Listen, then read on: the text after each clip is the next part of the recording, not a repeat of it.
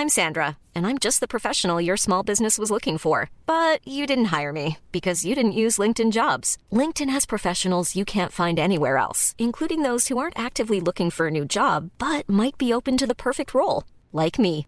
In a given month, over 70% of LinkedIn users don't visit other leading job sites. So if you're not looking on LinkedIn, you'll miss out on great candidates like Sandra. Start hiring professionals like a professional. Post your free job on linkedin.com/people today. Hey, it's Ryan Reynolds, and I'm here with Keith, co star of my upcoming film, If, only in theaters, May 17th. Do you want to tell people the big news?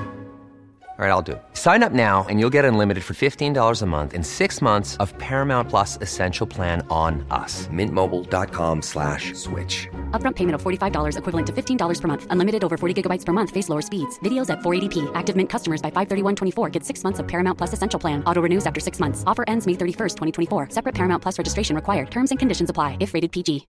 Millions of people have lost weight with personalized plans from Noom, like Evan, who can't stand salads and still lost 50 pounds. Salads, generally, for most people, are the easy button, right? For me, that wasn't an option. I never really was a salad guy. That's just not who I am. But Noom worked for me. Get your personalized plan today at Noom.com. Real Noom user compensated to provide their story. In four weeks, the typical Noom user can expect to lose one to two pounds per week. Individual results may vary.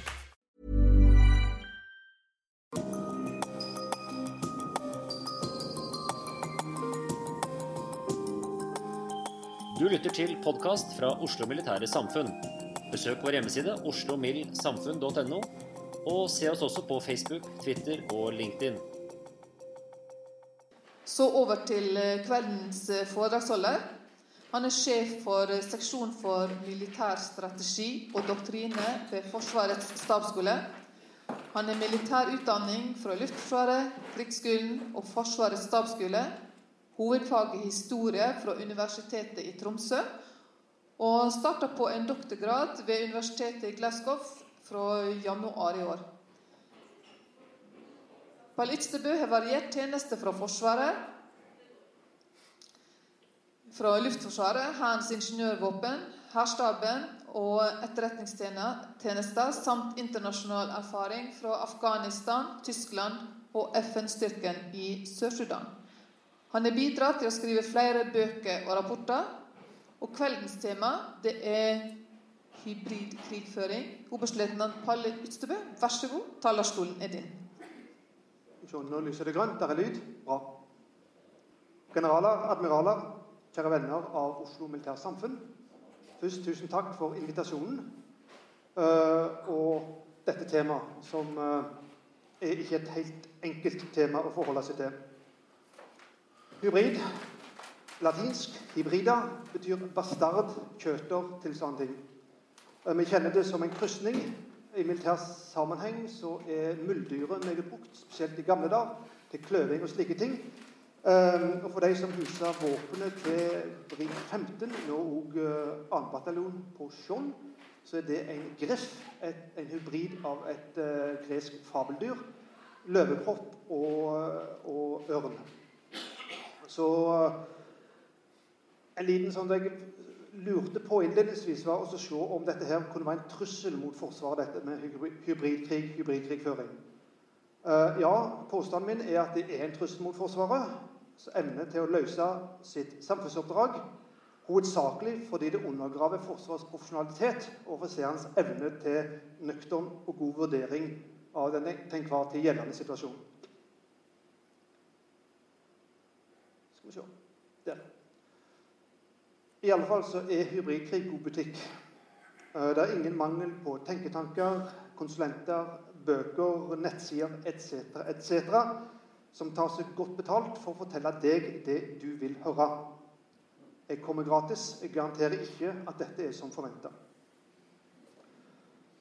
Jeg skal si litt om hvor dette hybridet kom ifra i militær sammenheng. Litt hvordan det har utvikla seg, og se på en del problematiske sider med det. Og til slutt må jeg selvsagt si litt om russerne oppi alt dette her. Men først, som det alltid hører bør når det er snakk om litt akademia, tilbake til de gamle grekerne. Og Da introduserer dere for en mytologisk figur som heter Prostes. eh, som da var en kar som drev eh, et ja, La oss kalle det gjestgiveri. Der han da tok inn reisende, ga dem en god middag, og så fikk de ligge på senga hans. Den senga der var slik at de som ikke passa, de ble behandla til de passa. Var de for små, ble de strekt ut. Var de for store, så fikk de armer og bein og andre ting kappa av. Eh, på Kristus seng er da blitt et begrep innenfor teorien som går på å tilpasse virkeligheten til den teorien som du til enhver tid skal selge, eller, eller, eller har. Um, som det står der. Uh, og militærteori så er dette en paradegrein. Helt tilbake til, Vi kan gå tilbake til gamle uh, Alfred Graf von Schlieffen eh, tysk generalstabssjef, kjent for sin Schlieffenplan bl.a., men òg for sin, sine militærhistoriske studier, der de da brukte den her, eh, appligatoriske modell, der da militærteorien skulle tilpasses og legitimere gjeldende doktrine. Og eh, der har han en del god, god eh, håndtering av virkeligheten for å få dette til å passe. Og det har vi sett ellers òg. En annen tendens med militær teori er at uh, den har det med å starte konkret. Vi kan gå tilbake til manøverkrigføring. Så blir han litt mer abstrakt og snakker om et manøverkonsept. Litt mer generaliserende manøvertilnærming. og til slutt temmelig altomfattende manøvertenkning. Og da er det ikke den ting som ikke kan passe inn i dette her. Det samme gjaldt for tidligere eh, teoriretninger som effektbaserte operasjoner. Vi ser det innenfor nettverksbasert forsvar og slike ting. Eh, og eh, det som da har vært spesielt med, eller typisk med disse her siste års siste tiårs teorier, er jo at det er våre lure, gode teorier som vi skal anvende. Her skiller hybridkrigen seg ut med at hybridkrig er noe som andre har gjort mot oss eller som andre bruker mot oss. Og den eh, blomstrer jo virkelig fra uh, 2014. Uh, det interessante med det er at mens tidligere militærteori har vært løfta fram av militæret, så kom hybridkrigen inn i media, brukt av myndighetspersoner. Og så begynte en å spørre om hva det betydde. Det kommer vi litt tilbake til. Men hvor starter nå hybridkrig og det hybride? Vi skal tilbake til Marine Corps, US Marine Corps tidlig 2000-tall. Da er USA engasjert i Afghanistan og Irak. En møter motstandere som de ikke helt var forberedt på. Det var ganske enkelt å knuse Taliban eh, vinteren 2001-2002. Det var ganske enkelt å kjøre over Saddam Husseins hær men så var det slutt på den konvensjonelle krigen, og så begynte elendigheten. US Marine Corps spesielt begynte å jobbe med en del eh, tilnærminger til å få tak på dette opprøret. Disse irregulære aktørene, og hvordan de håndterte dette. Uh, et annet kjent begrep herifra er dette med three Block War. Uh, med Krulak som, som driveren. Uh, og ambisjonen var å trenge inn i hva dette her handler om. Lage modeller uh, for å få det forklart. Og hybridkrig, hybrid warfare, var et av de konseptene som kom opp. Uh, og det lå på en intern debatt. I utgangspunktet Marine Corps, senere større deler av det amerikanske forsvaret, og så over i, uh, i europeiske miljøer som var involvert i dette. Og Det var da to hovedretninger i debatten, som der står der ene var at hybrid warfare dette er substansielt nytt. Den andre er bare at det er en ny måte å skape forvirring om hva som egentlig foregår, med å konstruere disse her flotte modellene. Fram til 2006 så, så var dette ganske mye intern debatt. Men i 2006, sommeren der, så smalt det i eh, Sør-Libanon, Israel. En fikk en krig som varte en måneds tid mellom israelske forsvaret, en av verdens sterkeste militærmakter, og Hizbollah, som da er en irregulær aktør i eh, Sør-Libanon, Shia, støtta av Iran, Syria. Det gikk veldig dårlig for uh, IDF. Uh, og En sleit faktisk med å få tak på denne krigen. En klarte ikke å oppnå hovedmålet sitt, som var å stanse uh, Hizbollahs skyting av raketter inne i Israel. De holdt det gående med 100, det et par hundre per døgn i, tre, i, i 30 dager omtrent. Forklaring hybridkrig kom inn eh, som forklaring på at her hadde så noe substansielt nytt med en irregulær aktør, dvs. Si Hizbollah at de brukte konvensjonelle midler. De hadde evne til strategisk angrep inn i Israel. Og de klarte å motstå israelsk konvensjonell krigføring. Annen forklaring var rett og slett at Israel hadde glemt å slåss. De hadde innført en ny doktrine, voldelig filosofisk, eh, knytta bl.a. til denne effektbaserte og et par andre ting, som er innført et par måneder før krigen brøt ut. Og ja, folk forsto ikke Brigadesjefer forsto ikke hva oppdrag de fikk. Eh, det var relativt vagt, og det er skrevet ganske mye om den saken der. I tillegg så var det store mangler i den israelske hæren. De hadde ikke trent i brigadeforband på flere år. Eh, de hadde kun drevet og håndtert det, det palestinske opprøret på Vestbredden, Gaza, opp mot Gaza. Eh, og logistikken var prega av god butikk og dårlig egnet til mobilisering. Så men hybridkrig ble da litt mer offentlig med 2006. Uh, og, og, og, forklaring på den krigen der.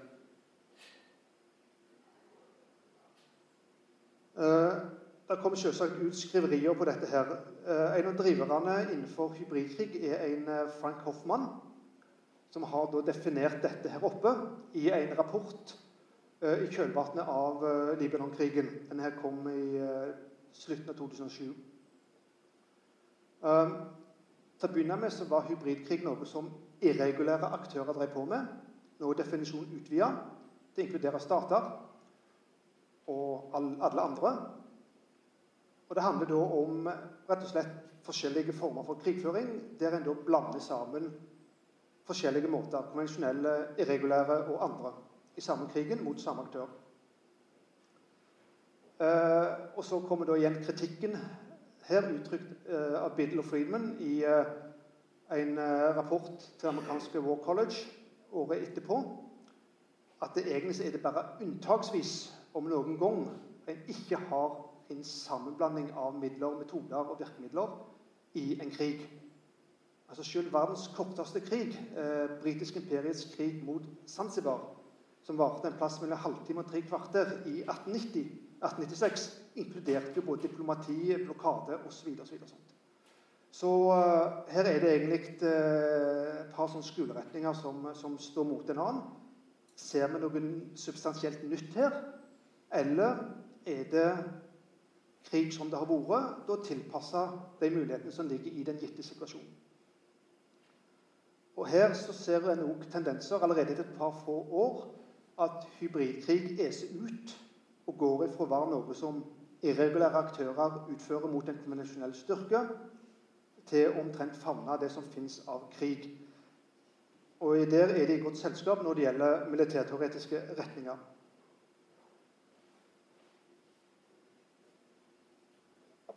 Fortsatt så ligger dette i fagmiljøene, og du skal være interessert i dette her for å, å fange det opp. Men så skjer det selvsagt noe. Og det er da at uh, i forbindelse med en kongresshøring uh, og amerikanske budsjettet i uh, eh, 09 så tar da amerikanske forsvarsministeren Robert Gates ordet 'hybrid' i sin munn og krediterer Frank Hoffmann med å ha kommet opp med disse ærene Og da er løpet kjørt. Da er det ikke lenger noe som spesielt interesserte driver på med. Da må en faktisk lage offisielle policyer, doktriner, definisjoner av hybrid krigføring. Uh, og det begynner en nå selvsagt å gjøre. Uh, vi fikk melding på stabsskolen om å stille i ei arbeidsgruppe i Nato. og det gjorde vi. Og da begynte jo Nato å, å drive på med dette. Denne katten som hadde sluppet ut i all offentlighet, måtte en få tak på og plassere i en bås. og Nato er god på sånne ting. Det var arbeidsgrupper, det var eksperimentering, det var rapporter. Stort problem her er, hvis jeg ser oppe på andre linja, uh, 'no longer fit into neat, tidy boxes'. Og det er jo et av de store problemene med det hele her. Det er et eller annet uh, sykdomstegn dersom en innbiller seg at krig kan plasseres i små, pene bokser. Der har du den typen krig, der har du den typen krig, etc. Da har en egentlig utøvd vold mot uh, krigens fundamentale natur. Uh, og flere sånne teori, teoretiske konstruksjoner som har prøvd på det med bokser, har blitt tatt av dage.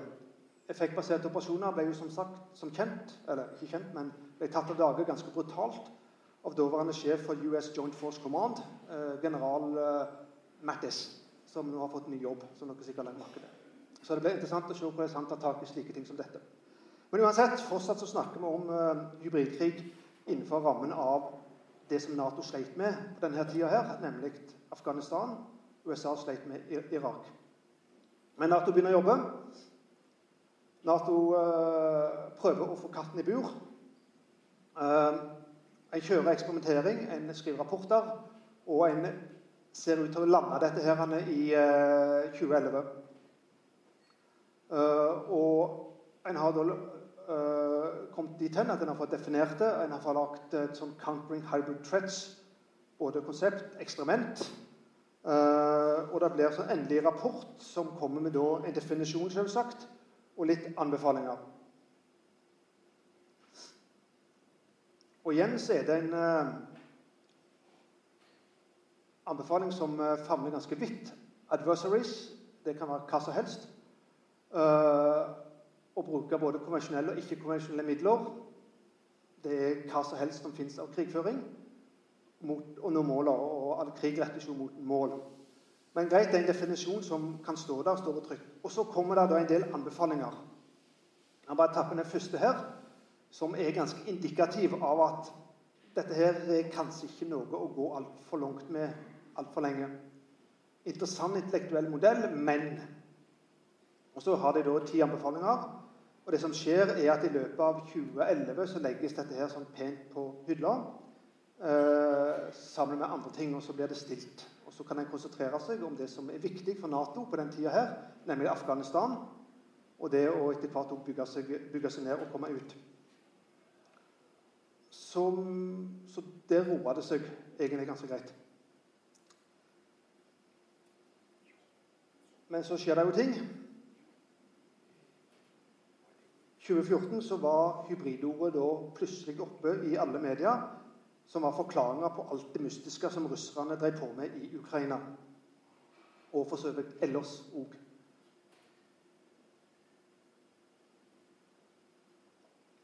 Og det interessante, som sagt det var ingen fagmilitær debatt som satte dette i gang.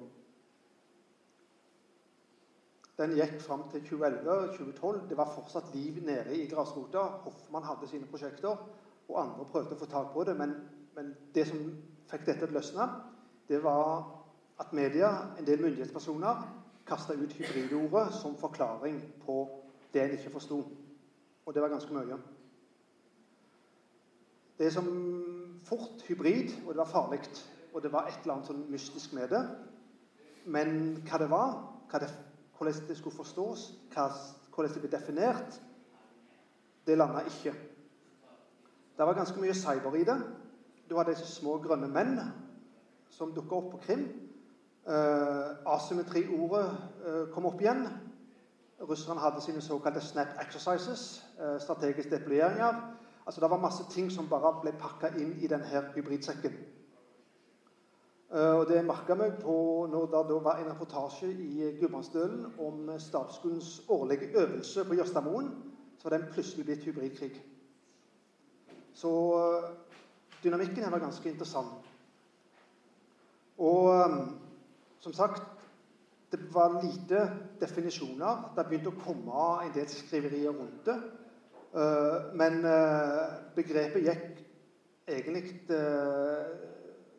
så busta føyk i eh, alle medier, og de fleste tok det i bruk. En liten oversikt fra første året. Sarkør var ganske tidlig ute. Klassekampen fanger opp sånt ganske kjapt. Eh, danske forsvarsministeren, eh, tenketanker, eh, studier, internasjonale medier og generalsekretæren i Nato høsten Eller i, mars 2015. Det var da en, som sagt, en, en keynote speech i forbindelse med et sånt transformasjonsseminar i Nato. Der brukes da hybridkrig 21 ganger, eller hybrid 21 ganger i løpet av eh, foredrag og eh, spørsmålsrunde. Det er snakk om hybrid, eller hybrid, tar det engelsk, da. Hybrid, hybrid warfare, hybrid threats, hybrid strategy, hybrid challenges, hybrid tactics, hybrid situations. Det kan si var vel en sånn all time high, og så roa det seg etter dette. Eh, men da begynte jo presset å komme, og nå må en få, få tak i hva dette her er. Altså, vil si Nato, doktrinemiljø og for så vidt stabsskolen. Hva handler dette om? Som sagt, Nato hadde sin definisjon tilbake til 2010. Her klippet ut ifra, ifra det dokumentet. Uh, og, og det, men den var jo lagt på hylla, og den passer jo overhodet ikke inn på, på det russerne drev på med. For her, her, eh, her, var det så mye mer, og det var så mye mer som ikke hadde med krig å gjøre. Det var diplomati, det var media spesielt. da, eh, Det var som sagt cyber i fredstid eh, og, og slike ting. Mens debatten går her, så kommer det en interessant lite skriv til generalsekretæren fra en del sentrale aktører i Nato, ledet av britene, men har også med seg noen nordiske land, eh, Frankrike, Nederland etc. Eh, som er en liten sånn en eh, Hold an litt. La oss heller prøve å se på hva er substansen i dette, istedenfor å grave oss for mye ned i definere det. Få tak på det Hvordan tilnærmer oss dette rent pragmatisk? åpent, helt ugradert brev som gikk ut sånn tilgjengelig i offentligheten. Som var for så vidt en sånn pragmatisk måte å gripe dette her an på, uten å måtte prøve å få tak i en sånn eh, presis definisjon om noe som var litt vanskelig å få definert. Eh, videre så til eller Joint Operation Doctrine Working Group. I høst så kom da eh, det, det nærmeste eksplisitte oppdraget der. Nå må en få en definisjon på dette, og vi trenger den nå. For nå har vi brukt dette i to år. Og Da blir det jo lagd eh, en sånn definisjonsskisse som kommer ut, som blir diskutert. Eh, og Den minner litt om noen har sett tidligere. Eh, en som ble eh, siste som hadde som skulle kommentere. Combination of asymmetric, dissymmetric or symmetric threats posed by a state or non-state opponent using military or non-military means, as well as conventional and unconventional methods to achieve specific goal. Okay. Eh, hva krig passer ikke inn i dette? Eller hva konflikt i det hele tatt? Og som da ble skrevet om litt sånn småspydig, som enkelte sånne doktrinefolk kan være, til dette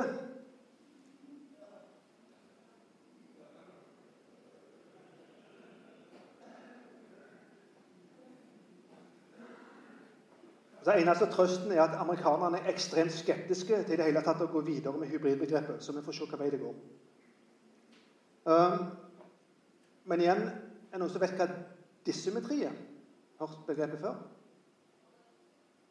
Jeg måtte slå det opp. og I henhold til Oxford uh, Dictionary så er det et speilbilde. Symmetrien er et speilbilde.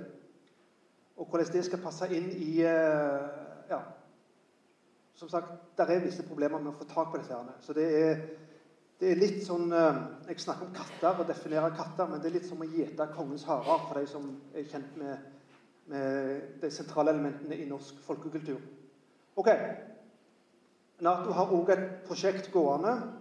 Multinational Capability Development Campaign, kjent som MCDC. Eh, som har et prosjekt på hybrid, hybride trusler, hybridkrig. Eh, og da faktisk leda og ført i pennen av et par eh, forskere på NUPI. Interessant her er da, etter å ha jobba med dette en stund, erkjenne at det ikke er helt enkelt å definere det. og at det skyldes bl.a. det de kaller for uh, tradisjonelle vestlige analytiske kategorier. Altså disse her small, tidy boxes til, til, til uh, Gates. Samtidig så blir da hybridkrig kritisert uh, for å bryte opp den tradisjonelle distinksjonen mellom fred og krig. Uh, og for å bli så stor, favne så vidt, at det blir umulig å komme til en definisjon som er funksjonabel. Altså ingen entydig definisjon. Men altså, arbeidet her har jo gått inn i hva dette her handler om, så du begynner å få tak på en del av det en har sett. En begynner å få en del tak på, på hvordan uh, den, disse konkrete konfliktene har gått, hvordan de har virka. Og prosjektet går jo videre. Det videreføres. Så det blir jo interessant å følge om en uh, kommer så langt at det kan bli noe vettug ut av det. Men ulempen er jo det at dette her har tatt av og blitt så bredt at uh, det er knapt en ting som ikke kan henges på det. Og som sagt, En definisjon som er så vid, den er ikke brukbart til noen ting. Og så igjen, Er dette nytt? Er det gammelt? Er det osv. Så sånt? Jeg klarte ikke å dy meg når jeg jobba med dette her, og henta fram denne her, som er sikkert kjent stoff for flere her i salen. Uh, da brukte en begrepet femtekolonister. Uh, fremmedmakt, uh, utlendinger, nordmenn, ulovlig etterretningsvirksomhet osv. osv. Uh, og det kan skje før et angrep oppstår, eller underveis i et angrep. Uh, så dette her er ting, noe som folk har tenkt på før, og tenkt grundig på det.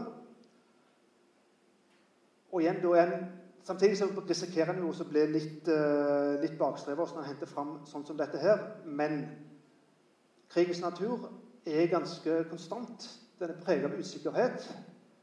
Uh, og hva form den får, avhenger av hva samfunnet slår inn i. Hvis denne hadde blitt skrevet i dag, så hadde det nok stått ting om dette her med cyber uh, og det digitale rom. Det ville nok stått noe om, uh, om verdensrom. Det ville stått noe om etc. etc. Sosiale medier og sånt. Så det er, hva er det som er en del av det grunnleggende her, og hva er det som er, er så veldig nye ting? Som sagt, definere dette her. Eh, Orkustes-senga, 2.0 Der er ganske mye vold mot virkeligheten her, og så strekker en da ut denne katten, altså det kattskinnet, til nærmest å omfatte alt. En del eh, ord som er brukt, altså overskrifter eller titler på, på studier. Russia, Crimea and Hybrid War 2.0. Ok? Samtidig så har det, dette alltid forekommet. Ja vel, har det det? Eller er det ting som ligner? Og så bruker en begrepet med kompleksitet i, i, i, nye varianter. Så det er alltid uh, en del ting, og så kommer det opp rapporter, og så kommer det opp uh, figurer. Uh, og så skal en tvinge dette her inn, og så blir en så opptatt av, av begrepet at en kanskje ikke helt får tak i det. Et stor utfordring med det hele, det er denne her. Her er det en, en kronikk eller innlegg i Dagens Næringsliv av uh, Lars Peder Haga ved Luftkrigsskolen. Altså Hvis alt blir krig, som f.eks. krig mot terror, hvor går da grensa? Når er det sivile samfunn, og når er det egentlig krig? Det var flere i Forsvaret som var litt frustrerte på, for en del år siden på at du en fikk alle norske politikere si at det var snakk om noe krig i Afghanistan, f.eks. En drev på å drepe folk, og folk ble drept, men det var ikke krig. Og når dette her kommer opp, så er det plutselig krig alt sammen. omtrent. Det er krig i fredstid, og det er masse slike ting. Og det er en litt kritisk sak når en pakker alt inn i et krigsbegrep. Uh, spesielt for vestlige demokratier som har et sivilsamfunn, som har uh, normal sivil politikk gående, hvis da den utfordres av en sånn retorisk, nærmest demagogisk pakke at alt skal inn i krig, så, så risikerer en å komme voldelig skjevt ut. Og igjen problemet med uklare definisjoner og definisjoner som da vi har sett, blir så vide at det favner alt, inklusiv det som ikke har med krig gjøre det hele tatt. Som sagt, dere sikkert har forstått det er ikke enkelt å få tak på dette. her. Eh, jeg har med vilje unngått å prøve å lage noen som smørbrødliste og, og pakke dette inn. For jeg mener det er komplett umulig. Ok, og Hva så med de som har satt alt dette i gang, da, egentlig indirekte? Hva så med russerne? Og det er interessant. Eh, for det første Hybrid, et eller annet, er ikke et russisk doktrinelt eller militært teoretisk begrep i det hele tatt. For russerne så er hybrid et eller annet, noe som amerikanere og Nato og Vesten driver, og har drevet mot Russland og Sovjetunionen helt siden de første intervensjonene i den nye sovjetstaten i 1918, i kjølvannet av første verdenskrig, når Lenin og gjengen slutta fred med Tyskland, slik at Tyskland kunne overføre en million mann til Vestfronten. I den russiske forståelsen så, så har da Vesten deretter forsøkt å destabilisere Først Sovjetstaten, og nå også Russland. Uh, I dette her tidsskriftet, som er et av de ledende uh, i, Russland, militær tenkning, uh, så har det vært tre artikler som har omhandla hybridkrig. Det første kom her som en historisk gjennomgang av hvordan hybride ting har blitt brukt av Vesten for å destabilisere dette. Det er en liten artikkel igjen i, i november i 2016. Eh, og det som eh, i alle fall er tydelig, som også flere forskere her i Vesten har, understreket, at hybridkrig og slikt er ikke russisk. Det er en generell konsensus i russiske militære kretser at det er fullstendig et vestlig konsept. Uh, og egentlig så er det ikke diskutert som sådan i, i, i Russland. Unntatt når det er snakk om hvordan Vesten bruker hybride operasjoner uh, og tiltak mot, mot Russland. Even on a budget, quality is non-negotiable. That's why Quince is the place to score high-end essentials at 50 to 80% less than similar brands. Get your hands on buttery soft cashmere sweaters from just 60 bucks, Italian leather jackets, and so much more. And the best part about Quince, they exclusively partner with factories committed to safe, ethical and responsible manufacturing. Elevate your style without the elevated price tag with Quince. Go to quince.com/upgrade for free shipping and 365-day returns. Hiring for your small business? If you're not looking for professionals on LinkedIn, you're looking in the wrong place. That's like looking for your car keys in a fish tank.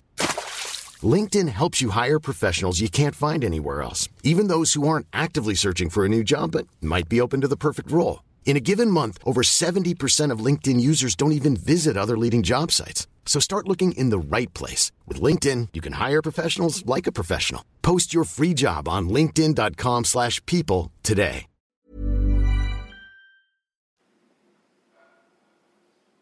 Siste artikkel som kom, den kom i denne måneden, uh, tredje da. Uh, av et, uh, et, par karer som har skrevet ganske mye i det bladet her. Um, og under da et sånn uh, undertittel i en artikkel som heter 'Kald krig'. Interessant nok. De har også et lite halvside om hybride ting, som er ganske generisk. Interessant her er hvordan de kobler da uh, Det hybride blir da når den kalde krigen, som etter, etter forfatternes mening fortsatt pågår. Det er jo interessant å, å merke seg. Eh, så når det da blir varmt, så er det hybridaspektet. Og her har de da lista en del sånne ting som, som ligger i definisjonen. Og poenget er her, siste avsnitt, er da i russisk forståelse. Når Sovjetunionen kollapsa, så bare nytta Vesten sin overlegenhet til å begynne å bearbeide med alle midler eh, Russland og, og skaffe seg eh, makt og innflytelse. Og da leses uh, alt fra arabiske våren til disse her fargerevolusjonene i Øst-Europa etc. inn i denne tradisjonen. Som sagt, For russerne så er hybride ting det er noe som utøves mot dem. Og det gir jo òg god mat til, til, russiske medier, eller propaganda, eller hva en kaller det. En liten artikkelsak fra Sputnik den tida den gikk, eh, 2015. Ser overskrifta hybride ting det er legitimere nytt våpenkappløp. Så det er en konstruksjon som Vesten har lagd, projiserer på Russland for å legitimere nytt våpenkappløp. Og det har en sett flere ting av i, i media. Og så det da, var det da spesielt én artikkel eh, fra 2013 som vi skal ta avslutta med, av da, den russiske generalstabssjefen Valerij Gerasimov i uh, tidsskriftet Militærindustrielle Kurer. Uh, og denne her ble henta fram i løpet av 2014 av flere kommentatorer. Her har vi da Gerasimov-doktrina, her har vi russisk hybridkrig, her har vi malende modellen for det. Uh, den er oversatt i ymse variasjoner. Figurer og, og, og, og, tegninger er oversatt og kommentert. Den er tolka inn i hendelsene i Ukraina. Maidan-opprøret, okkupasjonen av Krim og krigen i Donbas. Altså som nærmest denne doktriner som russerne har brukt i dette. her. Slik er den framstilt. Men hva skriver da Gerasimov om? Og Det er enkelt å finne ut, for det er en del svært gode analyser på dette. her. Uh, og det han gjør, han legger ut, beskriver sitt perspektiv som da generalstabssjef i, i Russland på det russiske dominerende synet på altså nære fortid og samtida, og hvordan en forventer krigen til å utvikle seg i framtida. Um, for meg så minner det litt om Som jeg nevnte Graf von Schlieffen her tidligere. Han skrev en liten artikkel eh, tre år etter han gikk av med pensjon i Deutsche Revue, eh, et vanlig sivilt tidsskrift, som heter da 'Krig im, der Krig im gegenvart', altså krig i samtiden. Det beskriver han hvordan krigen har utvikla seg. Hvordan en ser for seg en framtidig krig, og hva Tyskland må gjøre for å kontre det. Det var litt sånn déjà vu uh, i forhold til den artikkelen her. Men uh, det Gerasimov skriver om, det er rett og slett uh, hvordan ser russerne på krigens utvikling de siste tiårene? Hvordan har krigens karakter utvikla seg? Hva form for krig vil Russlands, Russland møte? Russland eller Russlands allierte møte i, i framtida. Uh, og den typen krig han beskriver, det er det vi har sett typisk i, uh, på Balkan, Nato, uh, amerikanerne i Irak, amerikanerne Nato i Afghanistan, amerikanerne Nato andre i Libya. Og så tolkes da disse her demok demokratiopprørene, arabiske våren, Eh, i Ukraina, eh, Georgia, inn i denne konteksten. Og igjen i dette verdensbildet om at eh, Vesten er ute etter å ta knekken på Russland. Dette flytdiagrammet er mye publisert. Og igjen, er dette en ny doktrine? Er det dette her som er Russlands nye hybriddoktrine, som det har blitt framstilt? Og det har blitt framstilt sånn opp og i mente snakker vi her om en sånn russisk comprehensive approach-tilnærming som enkelte både har spøkt med og lagt fram seriøst. Nå ser vi hvordan russerne legger opp til framtidig krig. Svaret der er faktisk ganske enkelt.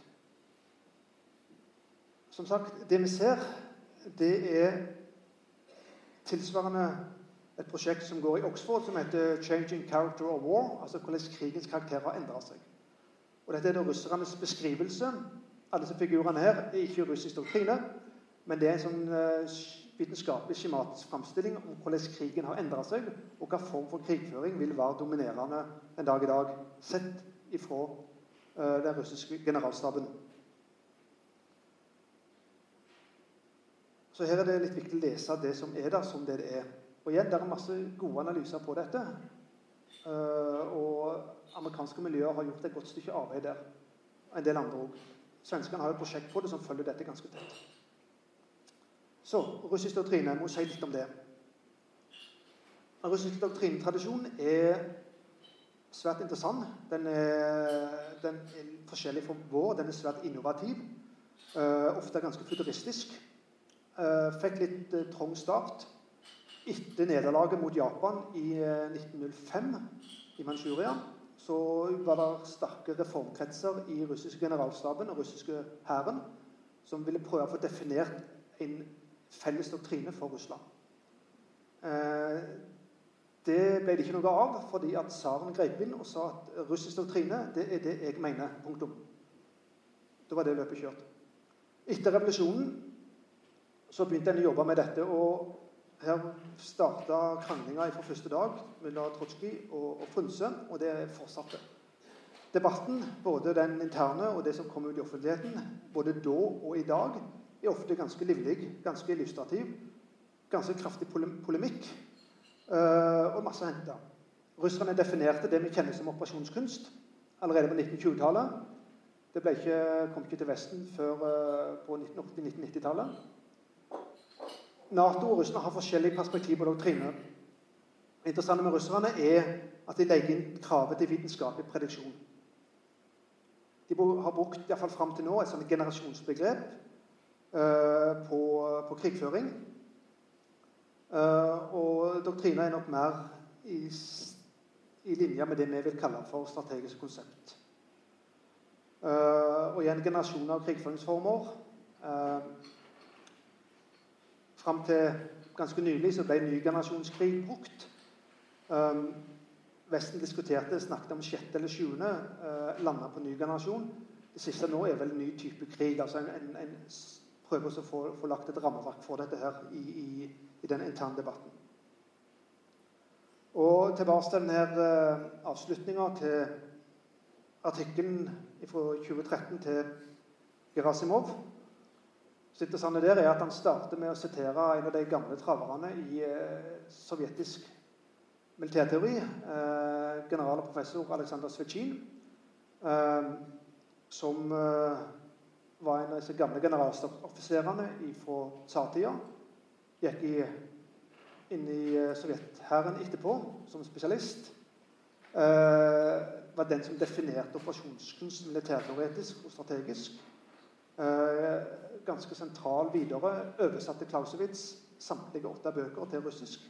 Og klarte så vidt å få skrevet en biografi av, eh, om Clausewitz før han fikk, eh, ble sendt, betatt av utrensningene og forsvant uh, i 1938.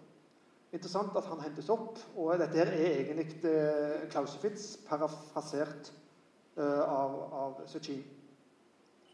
Um, og i motsetning til å jakte på en definisjon på det hybride eller på en generisk definisjon av moderne krig, så har russerne denne tilnærmingen at uh, så følger Clausewitz ganske tett til å begynne med. Hver krig er et unikt tilfelle. Altså Du må få tak på hva form for krig er det du står oppi. Hva karakter har den krigen du står i her og nå. Interessant igjen er da at kravet der på de siste linjene til, til militærteorien er at dersom militærteorien ikke klarer å komme med å predikere framtidig krig, ja, så har det ikke så mye for seg. Altså, det er en veldig sterk vitenskapelig tradisjon her i prediksjon. Å predikere framtidig krig. Og Det går tilbake til 1920-tallet, 1930-tallet, med tunge verk som ble skrevet om framtidig krig. Litt parallelt mens Little Heart, Fuller og andre drev på med det samme. Og den, den videreføres. Og det er litt her eh, Gerasimovs artikkel lander. Som er jo noe helt annet enn det det er blitt haussa opp med. Sånn, Da kan jeg avrunde med hvor kommer dette egentlig ifra. Det er jo selvsagt en sånn en greie der. Eh, så da tar vi de to karene der.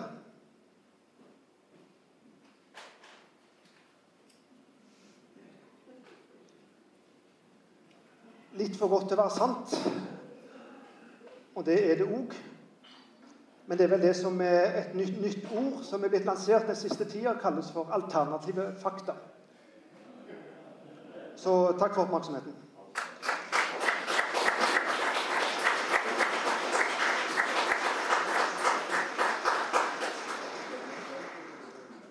Vær så god. Spennende å høre hva dere stiller spørsmål om er eh, generalmajor Jan Erik Karlsen. Du har gitt meg en bekreftelse på det jeg har eh, ment lenge. At dette ordet hybridkrig kunne vi greie oss utmerket godt uten. Det må være mange enklere måter å forklare ting på som er mer forståelige for andre. Men likevel så dukker jo dette uttrykket opp i aviser rett som det er. Og det kommer en og annen artikkel som er skrevet av noen militære, som skriver om dette. Og Da kunne jeg lyst til å spørre deg, som driver både undervisning og, og greier nede på, på høyskolen eller skolesenteret. Eh, bruker dere da uttrykket i undervisning? Har det sneket seg inn i direktiver, i ordrer, i reglementer også i Norge? Nei, Vi underviser ikke på noen form for hybridkrig. Det nærmeste vi kommer, er en kritisk tilnærming til sånne begreper.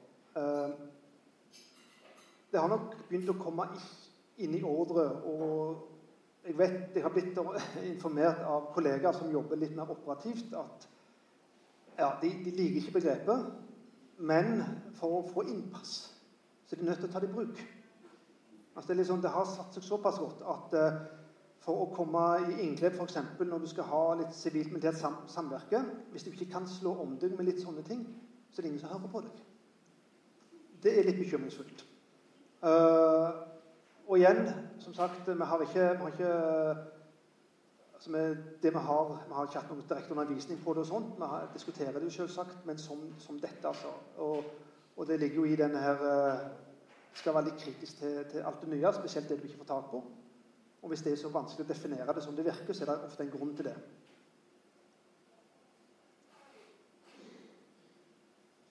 Det er flere her i kveld som eh, spesielt har bedt om å få lov til å komme og høre på det foredraget. Jeg skulle ønske noen av dere hadde spørsmål også. Eh, mitt navn er Per Solhjem. Tusen takk for foredraget. Nå er jeg mye klokere. Det vil si jeg er mer forvirret, men på et mye høyere plan. Eh, eh, hvis vi går inn på, på, Google, så finner vi også da definisjoner på hybrid, som jeg gjorde da i ettermiddag. Men eh, det som slår meg, det er at eh, all form for destabilisering, eller former for destabilisering, kan knyttes opp til det ordet. Eller de to ordene. Og eh, da tenkte jeg at hvis immigrantstrømmen over Storskog for et års tid siden Hvis den var statsstyrt fra Russland, kan vi på lengre sikt se dette som en hybridkrig? Du brukte ordet destabilisering. Jeg syns det er et veldig godt ord for å beskrive nettopp destabilisering. Undergravingsvirksomhet er et godt ord for å beskrive nettopp undergravingsvirksomhet. Problemet med hybridkrig er det slutter på krig. Uh, og dermed så risikerer en at uh, fredstidsvirkemidler i en politisk konfrontasjon, si mellom Vesten, Nato og, og Russland, pakkes inn i en krigsretorikk. Uh, hvis en tar f.eks. det som har gått den siste tida om uh, påvirkning av valget i USA ved hjelp av uh, datainnbrudd, ved hjelp av media og slike ting, så er det fortsatt ingen krig. Det er normal, om enn litt uh, kreativ, bruk av, av fredelige virkemidler på å påvirke noen. tilsvarende propaganda er propaganda. Eh, informasjonsoperasjoner er informasjonsoperasjoner. Jeg tror de må settes inn i den politiske konteksten det foregår i, spesifikt, framfor å skal pakke det inn i et sånn et uh, omtrentlig tabloidbegrep som, uh, som det hybridgreiene. Den store faren er jo at det risikerer å bli fanget av krig, krigsbegrepet. Det kan få en del uheldige utfall hvis det blir brukt politisk, populistisk og slike ting. Pluss det kan undergrave vår evne til å faktisk forstå hva som foregår. Um, og en kan miste av syne det at uh, enn så lenge så snakker man om politisk konfrontasjon. Uh, og de politiske midlene, de andre midlene, mister da meninga. F.eks. de nå ganske så effektive sanksjonene mot Russland. Uh, det er ikke krigshandling, men det er politiske virkemidler som brukes i en politisk konflikt. Konfrontasjon, kall det hva du vil.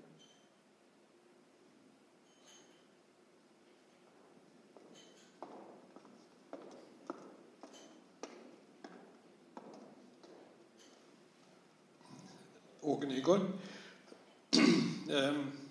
Eh, jeg er litt overrasket over at du i dine definisjoner ikke har nevnt cyberwarfare i samme åndedrag. Eh, etter mine definisjoner vil dette være også hybridkrigføring, men eh, med litt andre midler enn det du har nevnt. Ja, takk. Eh, cyber kommer ofte opp når hybrid omtales. Eh, og tilsvarende cyberkrig. Eh, og dette her med med bruk av cyber er jo kjent. Det brukes for det første brukes til etterretning svært mye. Både åpent og, og med andre mer lønske midler. Uh, og så har en sett en del sånne regelrette Kall det ja, aktive handlinger mot andre lands datasystemer. Uh, så det i forbindelse med Georgia-krigen. Uh, det var et angrep rettet mot Estland, samtidig som det var en Nato-konferanse på cybersikkerhet i Estland. Så da fikk de jo noe å øve seg på. Og en har sett andre ting, eh, både gjennom cyber, men også på andre måter, som eh, ødeleggelsen av eh, en del sentrifuger i iranske atomanlegg. Der en mener at det her var det ikke utenfra, men det var innenfra. En fikk en ondsinte programvare. Så cyber har en sett både igjen i den politiske konfrontasjonen Uh, en har sett lite til det på regelrett regel, uh, krigføring. En så en del opp mot Ukraina under krigen der. Men jeg tror fortsatt en ikke vil se så mye aktiv cyberkrigføring før det virkelig blir så ille at de som tar det i bruk, er villige til å røpe hva de faktisk kan. Jeg tror nok det våpen der fortsatt er så skjerma at eh, de vil ikke eksponeres før en virkelig er 100% sikker på at en må, og at gevinsten står i samsvar med, med med risikoen for å ta det i bruk. Og Da kan det skje innenfor den typen eventuell krigføring som en ser det blir tatt i bruk i. Det da er den typen eh, lågnivå eh, spenning, politisk spenning som vi, som vi ser i fredstid, eller om det skjer i, parallelt med en regulær varm krigføring, det gjenstår å se.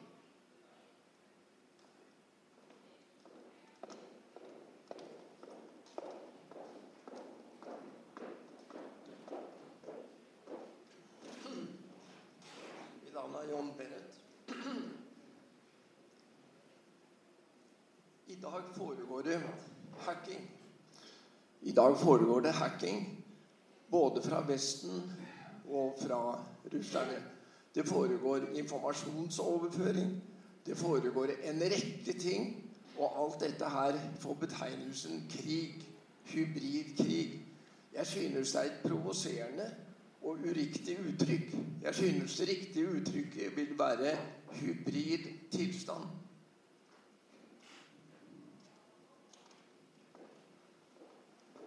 Ja, takk. Eh, som nevnt, hybrid ordet er kobla til masse andre ord. Krig er en av de, den mest vanlige. Eller den nest mest vanlige, vil jeg si. Den mest vanlige, iallfall i analyser. Det programmet som Nato hadde fram til 2011-2012, det var å håndtere hybride trusler. Eh, og uh, som nevnt eh, Når Stoltenberg hadde sin tale i, for ca. to år siden, så var det snakk om hybridstrategier en skulle forholde seg til. Det var hybride trusler, hybridtaktikk etc. etc. Så det, det, er brukt ganske vidt. og igjen så er som du sier, problemet er når en tar i bruk krigsbegrepet. Så, så, så, så går en inn på en litt annen arena. Eh, men jeg vil jo si at eh, bare det å generalisere det så vidt at du tar i bruk hybridbegrepet, er å begynne å, å, å, å skape mer uro eller mer uklarhet enn strengt tatt nødvendig. Og igjen hacking for etterretning, eh, for påvirkning av valg eller hva som helst. Eller for å ødelegge infrastruktur. Ja, det er den type virksomhet. Og det må ses i den sammenhengen det, det foregår, sånn, slik jeg ser det, for å få tak på hva er det faktisk som foregår, og hvordan kan en da faktisk adressere det. Ok, en til, men ellers var ikke det så veldig Vær så god. Jeg vet ikke om jeg trenger denne her, men Jeg heter Nils Skalland.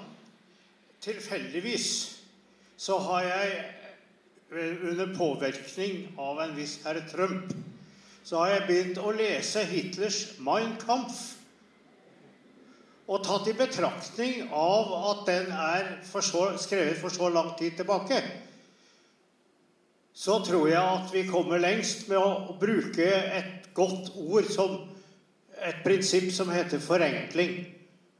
Men så er det blitt flere muligheter. Men totalt sett så er jeg enig med det du skriver om herr Putin her oppe. Innfør det nye hybrid som et eh, morsomt ord, og så kan du oppnå meget. Det gjelder å holde rede på hvilke nye muligheter som har oppstått. Og det gjorde den samme Hitler. Han gjorde det dessverre med en brutal måte. Men, men eh, det er lenge siden den siste og mange muligheter som er kommet. Og vi står i ferd, etter min mening, i å gjøre det for problematisk i tankene. Vi glemmer prinsippet. Hold det enkelt. Takk. Takk. Jeg følger den. Og siden du nevner Mein Kampf, så er det interessant, for det at Hitler faktisk gjorde Han skrev alt han skulle gjøre. Eh, og så sørga for at eh, boka ble jo en bestselger. Eh, men det var ikke så mange som leste Mein Kampf. Gøring ble en gang spurt hva han syntes om Mein Kampf. Da lo han rått og sa det er jo en bok som er komplett umulig å lese. En av de få som leste Mein Kampf, var Winston Churchill. og Han forsto hva det handla om. Eh, men det er sjelden at noen noen gang har utlevert sine planer så grundig som, som, Hitler gjorde i Mein Kampf. Men så lenge det ikke ble lest eller tatt på alvor, så, så hjalp det lite. Men du har et poeng. Vi må få tak i hva dette handler om, og være, være tydelig på, på, på, det det går på.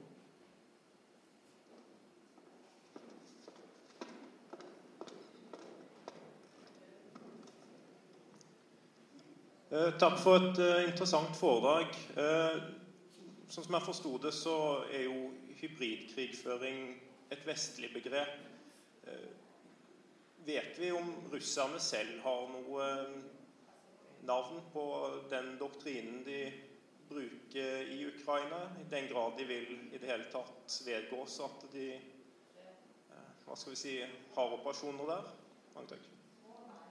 Ja, unnskyld. Mats Nordberg. Ja, Russerne har, har brukt begrepet ny generasjons krigføring fram til ganske nylig. Ny type krigføring er det de kaller det i dag. Uh, offisielt og, og, slik det er, om det, det forstås som doktrine eller som overordna konsept, det, det, kjenner jeg ikke godt nok til. Men uh, det de har gjort i Ukraina, er en blanding av altså, Krim som sådan det var jo ikke krigføring i det hele tatt. Det var en militær operasjon, men uh, bruk av militærmakt uten å løsne skudd. Og de hadde jo stående ordre om ikke kun å skyte varselskudd omtrent. Ukraina derimot, altså Donbas, er starta som et sponsa opprør. Deretter ble det en form for stedfortrederkrig med direkte inngripen. Det som er interessant å se der, det er mer på hvordan de faktisk har operert, hva du ser av kontinuitet i operasjonene tilbake til Georgia, Tsjetsjenia spesielt, men òg i Afghanistan eh, på, på 80-tallet. Uh, og hvordan de har, uh, har tilpassa krigføringa si til, til, tilgjengelige midler og metoder. Uh, og, og, det spesifikke området. Men sånn eksplisitt, de bruker, som sagt, de bruker kun hybridbegrepet om det om Vesten. Altså det Vesten foretar seg mot dem.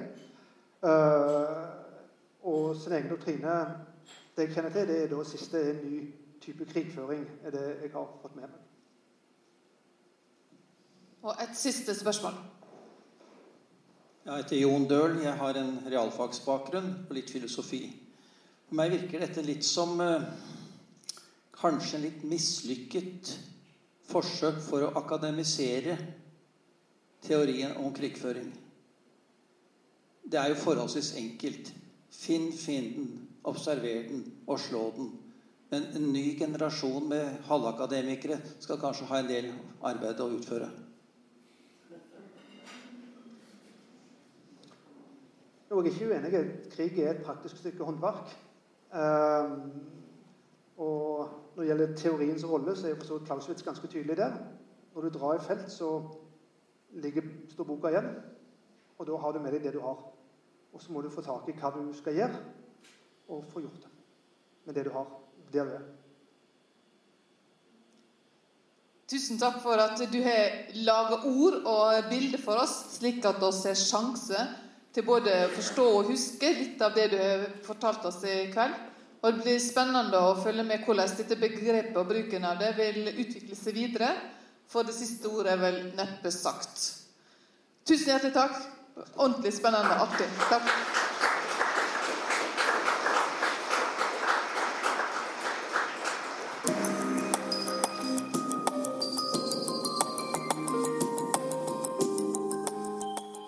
Hørt podkast fra Oslo Militære Samfunn. Besøk vår hjemmeside oslomildsamfunn.no, og besøk oss gjerne på sosiale medier som Facebook, Twitter og LinkedIn.